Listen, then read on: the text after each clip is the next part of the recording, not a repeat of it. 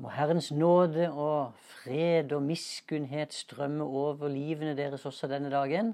Det er fantastisk at jeg kan få være her sammen med dere og dele dype ting fra Guds ord og om Jesus. Vi er kommet fram til dag 48 i serien 366 dager om Jesus i Gamle Testamentet. I dag så leser vi fra første Mosebok kapittel 45 og vers 7. Men Gud sendte meg i forveien for å la dere bli en rest på jorden, slik at dere skal leve og mange blir berget.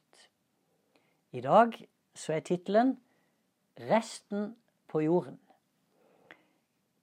Vi ser ikke mer enn det vi ser med øynene våre. Vi kan jo verken se fortiden eller framtida. Men Gud ser alt. Han har et overoppsyn over historien som ingen andre har.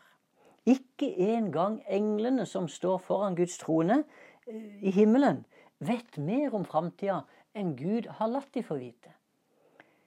Og verken Josef eller brødrene forsto Guds hensikt med at Josef skulle dra til Egypt.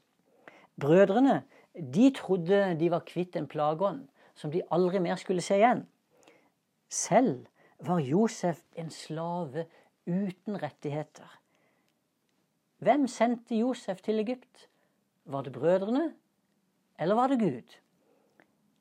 Josef var i alle fall ikke i tvil, for han sa så det var ikke dere som sendte meg hit, sa han til brødrene, men Gud. Han satte meg til far for farao, til herre over hele hans hus og til hersker over hele Egypt.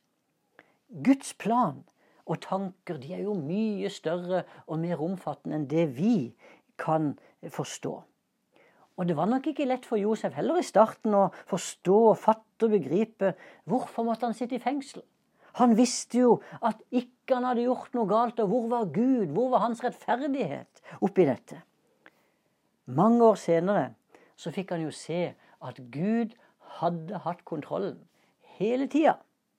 Han hadde hatt en helt spesiell plan med å la Josef være på de rette stedene til rett tid. Hadde han ikke sittet i fengsel, ja, så hadde han jo ikke truffet munnskjenken som senere skulle føre ham fram for farao. Og som en fullmoden mann i Herren, så var jo Josef i stand til å se og anerkjenne Guds vilje gjennom hele livet hans. Han var blitt sendt i forveien til Egypt for å redde verden fra sult og nød. Og det var jo dette han nå forklarte for brødrene sine. Gud er håpets gud.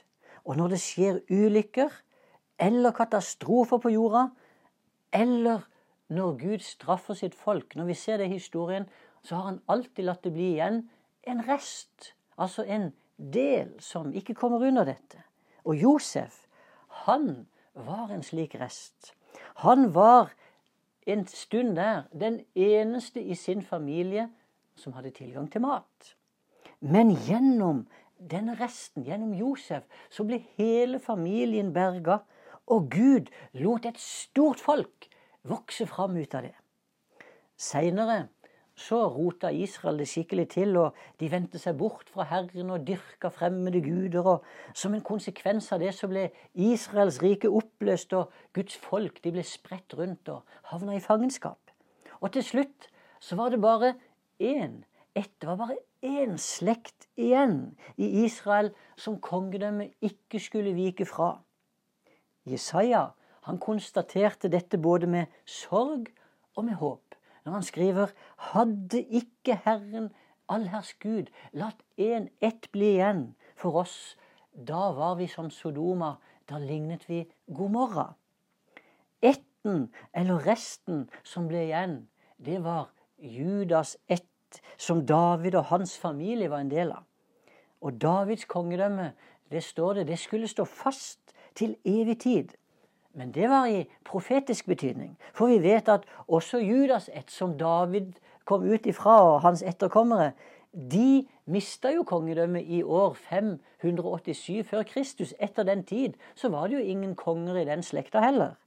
Men løftet David fikk om at det alltid skulle sitte en etterkommer av han på Israels kongetrone, det dreide seg, seg om noe som går langt utover et jordisk kongedømme. For, for Gud ga han løfter om det messianske kongedømmet, som skulle komme ut av hans slekt, og som skulle være evig. Resten i Egypt og resten i Gamle testamentet generelt, det var jo bilder på den virkelige resten som skulle komme ut fra Kristus. For Jesus han var også i utgangspunktet bare én. Han var det eneste hvetekornet som var igjen med liv i seg. For alle de andre kornene de var jo forderva og ødelagt av synden. Men da, Jesus, men da, men, men da det fullkomne kornet, som er Jesus, da det falt i jorda og døde, så førte jo det til en frukt som verden aldri har sett. Og hvetekornet, det spirer fortsatt i dag, og det skyter stadig friske skudd. Når vi snakker om vekst i Guds rike, så er ikke det betinga av størrelse og antall, men det er betinga av den kraften som ligger i resten. Jesus, da han var her på jorda, så samla han store skarer av mennesker. Og noen ganger så må det ha vært 20 000-30 000 mennesker til stede.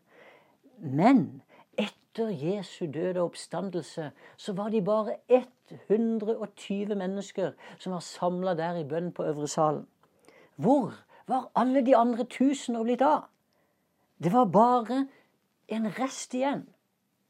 Men da Den hellige ånd fylte bønnekjempene på Øvre salen, de kvinnene og mennene som var der, med kraft og med friskhet, så tok det skikkelig fyr.